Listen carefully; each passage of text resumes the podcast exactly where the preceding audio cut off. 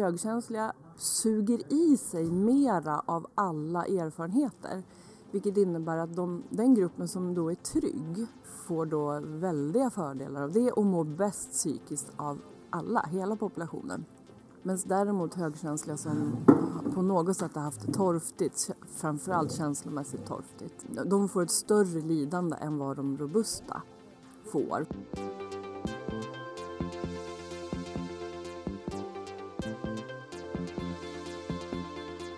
Du lyssnar på HSP-podden med Leveby och Klar. Hej och välkomna till HSP-podden med Leveby och Klar. Podden som handlar om högkänslighet. Det här avsnittet ska vi prata om anknytning och HSP. Alltså hur vi skapar band i nära relationer. Och det kan vi göra på olika sätt beroende på vilka mönster som vi har med oss från barndomen. Och det är faktiskt extra viktigt för högkänsliga eftersom högkänsliga påverkas starkare av både negativa och positiva upplevelser under barndomen. Och personen som ska få förklara det här lite närmare för oss är Elin Lundberg, psykoterapeut med både anknytningsteori och högkänslighet som några av sina specialområden. Hon har tidigare varit gäst hos oss och nu hör vi henne snart igen. Men först, hur är läget Ida? Ja, men jag har precis kommit hem från en eh, långresa. Härligt. Eller det var inte så lång tid, men det var lång, det var lång resa. Ja. Eh, New York har jag varit i. Wow. Mm, det var fantastiskt faktiskt. Mm. Och eh, jag, jag trivs ju väldigt bra när jag får liksom insupa nya miljöer och se nya saker och sådär. Och innan så har jag läst på massor. Mm. Verkligen så här nördat ner mig i alla böcker om New York och kollat på filmer och sådär. Mm. Eh, det var jätteroligt. Men nu kräver ju såklart eh, den kommande tiden här ganska mycket återhämtning och vila. Ja, såklart. Hur är det med dig? Jo, men jag vill slå ett slag för siestan igen. För någon månad sedan så berättade jag i, här i podden att eh, jag hade gått och lagt mig efter lunch en dag när jag var ledig. Och jag har ju hållit fast vid det. Och gjort det nu flera gånger sedan dess på mina lediga dagar. Gud vad skönt! Jätteskönt! Men där, och, och en, en annan anledning till att jag tror att det verkligen behövs är att när jag låg och sov på min lilla siesta, typ en timme, så ringde du. Mhm. Och min första tanke var Åh nej, nu har jag glömt någonting. Jag är försenad. Jag, jag, här borde inte jag ligga och, och slappa.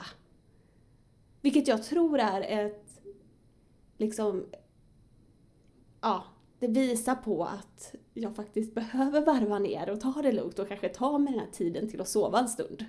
Ja, första reaktionen är att man har glömt något eller missat någon, Ja. något. Eller hur? Ja, Så att mer sånt tänker jag. väldigt skönt. Mm. Men för att återgå till avsnittets ämne här, anknytning. Vad har du för anknytningsmönster Ida?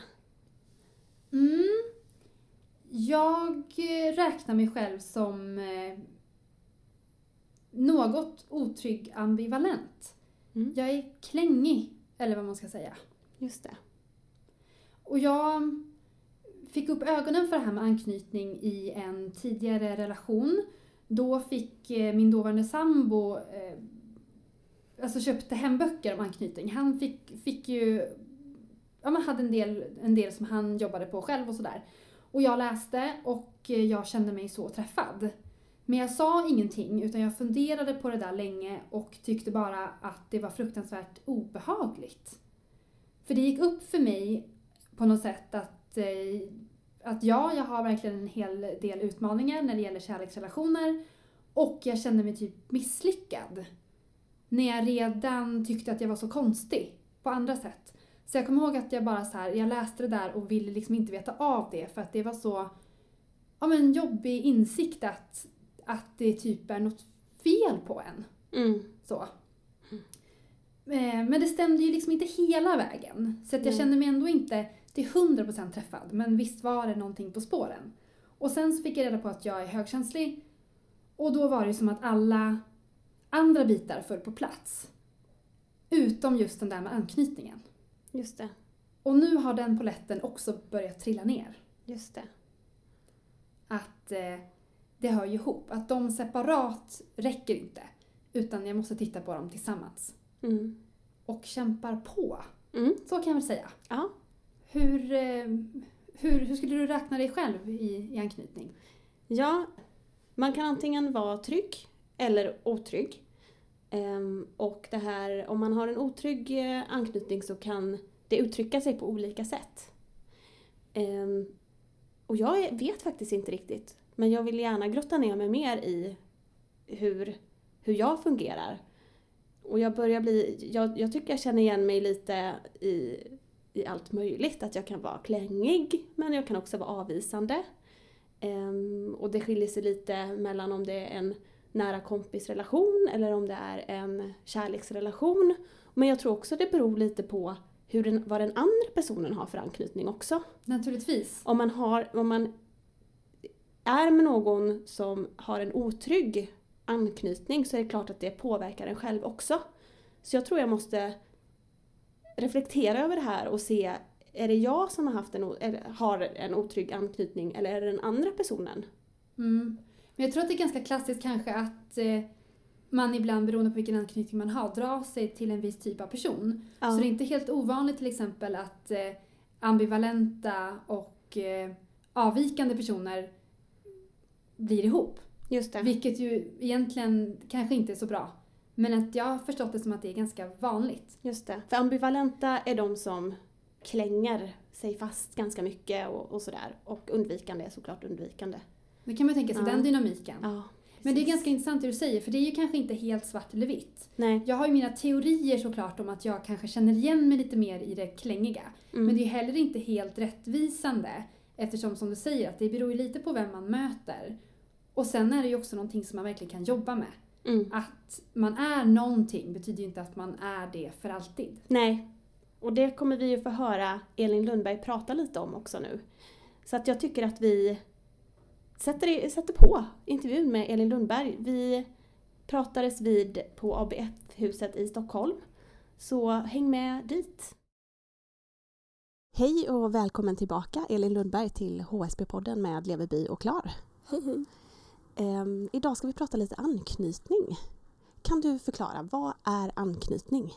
Eh, anknytning är egentligen en, en relation mellan från början är det en relation mellan någon som behöver hjälp och mellan någon som kan ge hjälp. Och då tänker man ju oftast barn och föräldrar.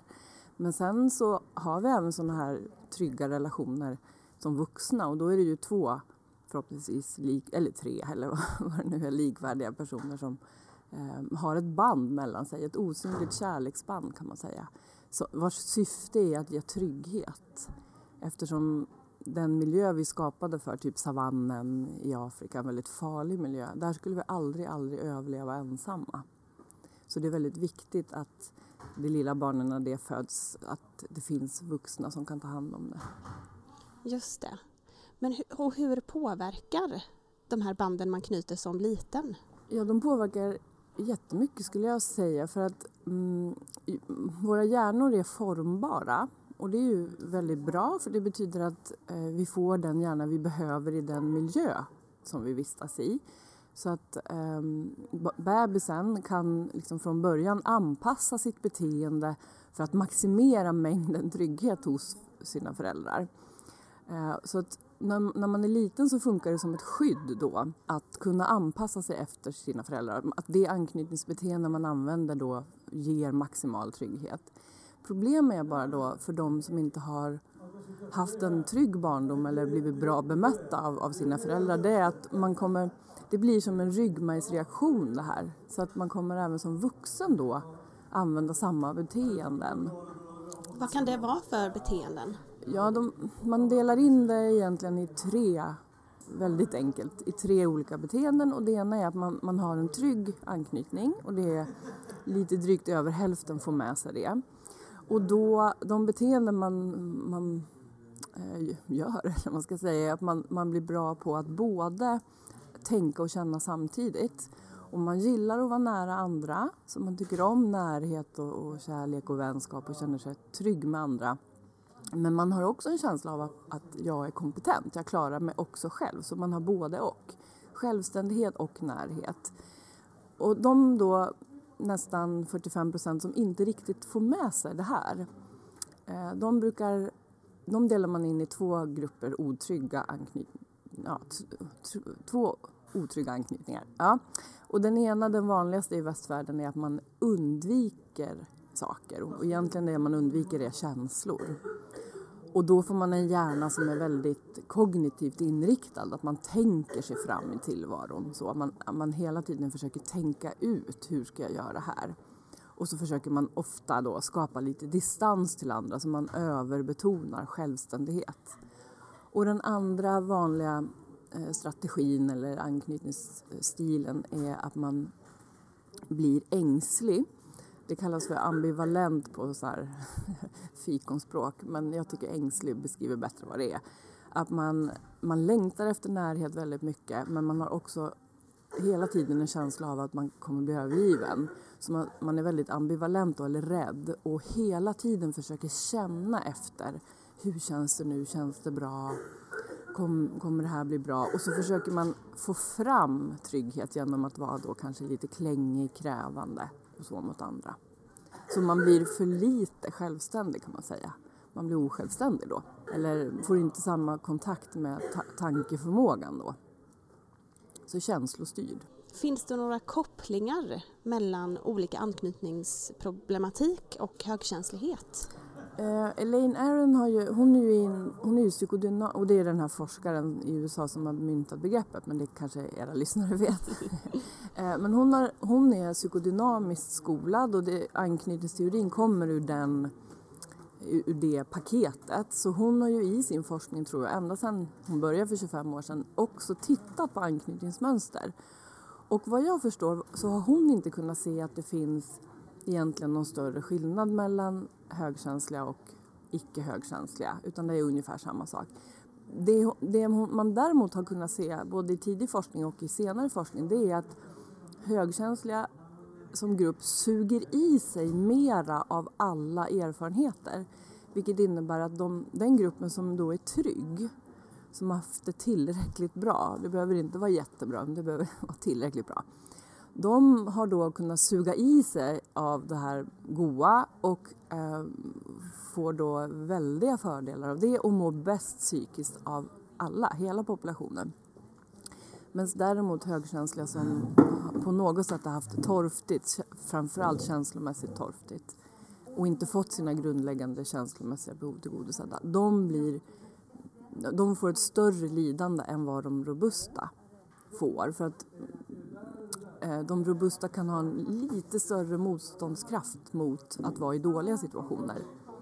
Eh, men högkänsligas förmåga att suga i sig då blir en fördel i bra miljöer men blir en nackdel i dåliga miljöer. Just det. det där har man ju läst en del om, ja. att det är just så. Mm. Hur mycket spelar just anknytningsdelen in i det här? Ja, jag, skulle, jag, jag är ju intresserad av ämnet så jag skulle säga att, eh, och jag tror nog att de flesta som håller på med psykologi är överens om att anknytningen har stor betydelse, men det har ju inte all eh, betydelse. Eh, men men det, man kan säga att anknytningserfarenheterna de första tre åren formar ju hjärnan så att du får en hjärna som är snabb att reagera åt olika håll.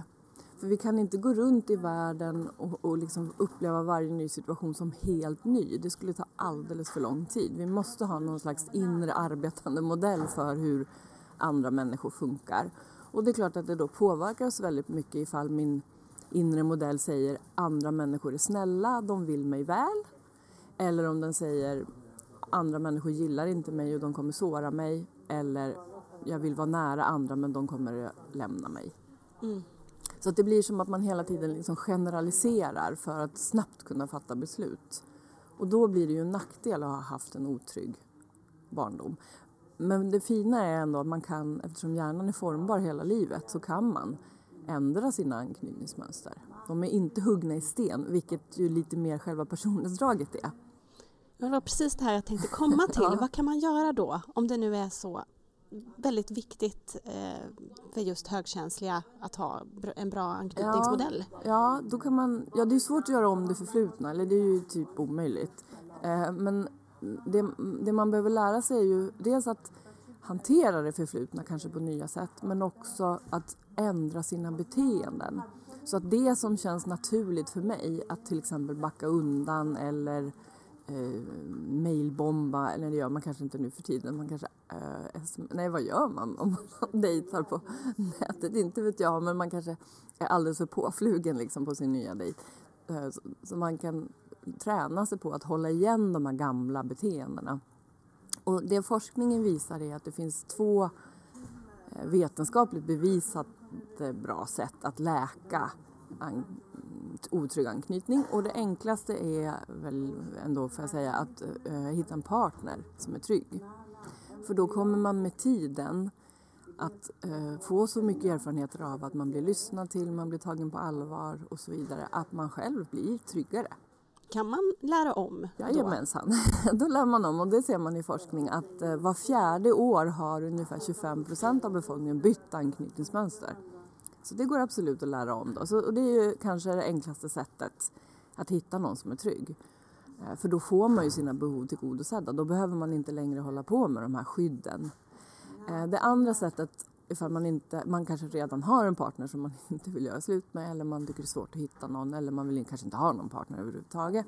Då är det att gå i psykoterapi.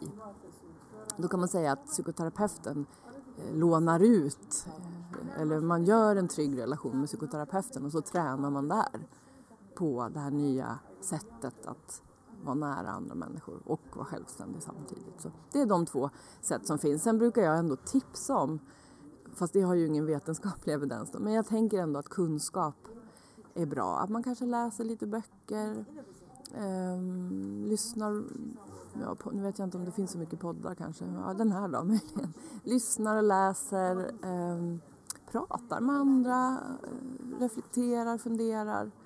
Alltså, jag tänker väl ändå att det måste vara bättre än att inte göra någonting. Och det borde ju också, så min erfarenhet av högkänsla är att de ofta gillar att läsa och lära sig och fundera och reflektera. Och har ju också ett otroligt försprång gentemot de robusta. Att om, de, att om högkänsliga om otrygga och högkänsliga väl hamnar i rätt sammanhang, en trygg partner eller en trygg psykoterapeut, så har de en otrolig förmåga till återhämtning och att snabbt lära sig det här nya. Och det, jag jobbar ju med psykoterapi och det är bland det roligaste att ha högkänsla i terapi, det är att de är så otroligt snabba på att suga i sig av om de får goda grejer. Liksom. Så det, det, det, ja, jag upphör aldrig att bli förvånad över läkningskraften som finns i det här djupa processandet. Så. Men hur ska man veta då om man har en otrygg anknytning? Om man är osäker och, och börjar fundera på att ja, men mina relationer funkar inte riktigt, men hur vet man vilken anknytningsmodell man har? Ja, man, ja det ena sättet är ju att gå till en psykolog eller psykoterapeut. Eh, men det är inte alla som jobbar med det så det måste man kolla först ifall de gör såna, ifall de använder den teorin och gör sådana skattningar. Men det, sen finns det ju på nätet lite mera populärvetenskapliga grejer man kan eh, fylla i. Bland annat finns det en, vad sjutton heter den då? attachment, ah, Aaron Levine eller något sånt tror jag har skrivit en bok. Och de har en jättefin hemsida där man kan fylla i eh, bara klicka om sig själv och om sin partner om man har en sån. Och jag har låtit mina klienter göra den och jag tycker den verkar ha god träffsäkerhet och frågorna känns relevanta. Så att om man på ett lite mera avspänt sätt vill undersöka så prova och googla och fylla i på nätet. Eller eh, sök hjälp. Just det. Om man är förälder då, mm. eh, till ett högkänsligt barn där det kanske är till och med lite extra viktigt att ha koll på det här, mm. men också såklart för alla barn. Ehm, hur ska man bete sig för att eh, ens barn ska få en trygg anknytning? Ehm, ja, det är det här som är så orättvist för då kan man säga så här att de som redan har en, otrygg, nej, en trygg anknytning, det här är verkligen orättvist, de behöver inte hålla koll. De behöver inte läsa några böcker eller gå på föreläsningar så, för de kommer göra det här, de kommer vara ly, tillräckligt lyhörda intuitivt. Eh, utan det är ju de som tenderar att bli antingen hårda och kalla, man ska säga. Skärp dig nu. De som har en sån stil eller de som oj, oj, oj, hur, herregud, hur ska det här gå? Och det är ju kanske vanligare bland, högkäns barn, ja, bland högkänsliga barn att föräldrarna blir väldigt ängsliga. De kan ju behöva fundera mer, så för att säga det först, att egentligen ska vi inte behöva eh, ja, Är vi trygga behöver vi inte läsa på. Just det, man Men- ska jobba med sig själv först. Ja, så kan man väl säga. Ja, ja precis. Men, men om man ändå, vad var frågan nu? Vad gör man med sina barn var Ja. frågan. Ja, och då måste jag tänka här. Jo, det första man behöver tänka på och försöka hjälpa barnen med är att identifiera känslor.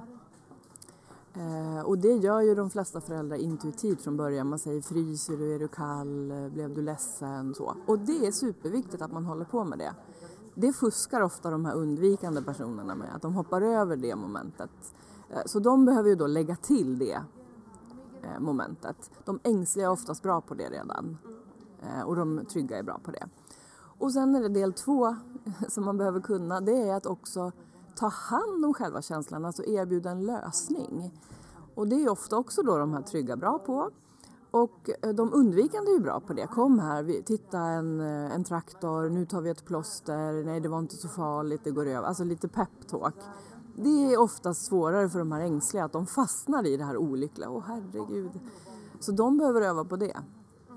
Nu vart det väldigt krångligt här kanske, men identifiera känslor, eh, sätta ord på känslor och sen hjälpa barnet till en lösning ur. Eh, så. Det. Det är väl då de två standard. För kan man båda dem, då, bli, då blir barnet tryggt. Och det gäller ju egentligen samma för en själv som vuxen. Det är ju ingen skillnad på det sättet på barn och vuxna. Utan att, att vara lyhörd för inre känslotillstånd. Är jag arg, är jag ledsen, skäms jag? Och det här märker jag ju i terapi att många har jätte, jättesvårt för. Och då blir det ångest istället.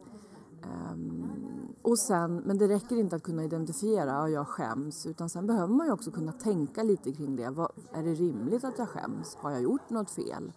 Hur kan jag hjälpa mig själv ur det här? Så det är egentligen samma färdigheter när man tar hand om sitt eget lilla barn eller om man tar hand om eh, riktiga barn, egna eller andras. Just det. Och sig själv och sin partner kanske. Ja, ja. Eller alla. Att göra både och. Och det är ju det som är, egentligen kan vi säga, leder då fram till en, en förmåga som heter mentalisering, som är, kommer ur en trygg anknytning. Att, att hjärnan förmår, för det här är ju de här två sakerna i hjärnan, att känna och så tänka samtidigt. Om sig själv, vad händer i mig och också i andra, vad händer i min partner eller i mitt barn eller i min chef just nu. Just kunna gissa på ett effektivt sätt kring det, vad som pågår i andra då mår vi bättre om vi, om, vi oft, om vi oftast kan göra så. Sen kan vi inte göra det alltid för vi blir trötta och sura och får lågt blodsocker. Men, men oftast, då är det bra. Då mår vi bättre. Är det något mer vi behöver säga som vi inte har tagit upp? Eh, runt, ah, ja, anknytning och högkänsliga. Hmm. Jag kan väl säga att om man ska hitta en terapeut, eh, om man blir sugen på det, så, så tror jag det är bra att det är en terapeut som känner till högkänslighet och är okej att prata om det begreppet. Men det är nästan ännu viktigare att de kan det här med anknytning skulle jag säga och är villiga att jobba med det. Eh, så. Gäller det oavsett om det är just anknytning som Ja, man... det skulle jag nästan säga. För att i, jag har ju nästan bara högkänslig terapi och det, och det är ju inte så att man jobbar med själva högkänsligheten i terapin utan man jobbar ju med det som är bekymmersamt. Att man är rädd för något, att man känner sig ensam, eh, att man har ångest och så vidare. Och sen så kan ju min kunskap hjälpa till att be- begripliggöra det utifrån att delar av det kan man förstå ur sitt personlighetsdrag.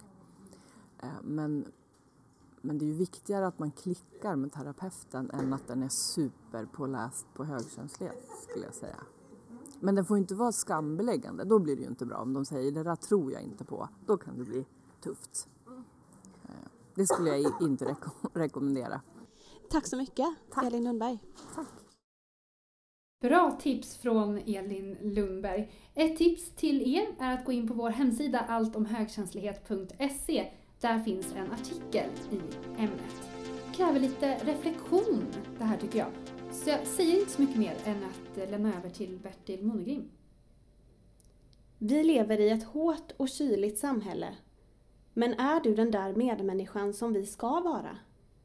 Ta vara på stunden att hjälpa någon över livets hårda tröskel, där bara ett vänligt leende och några vänliga ord kan göra underverk. Vi människor stressar på, men glömmer så lätt de andra som finns nära oss i vardagen. Din vänlighet kan vara ljuset för att göra livet lättare för någon. Följ oss gärna på Facebook, där heter vi HSP-podden med Leverby och Klar. Det går också bra att mejla till oss. leverbyochklar.gmail.com är adressen. Och prenumerera på oss i iTunes eller Acast om ni vill följa våra poddavsnitt. Vi hörs igen nästa vecka. Hej då! Hej då!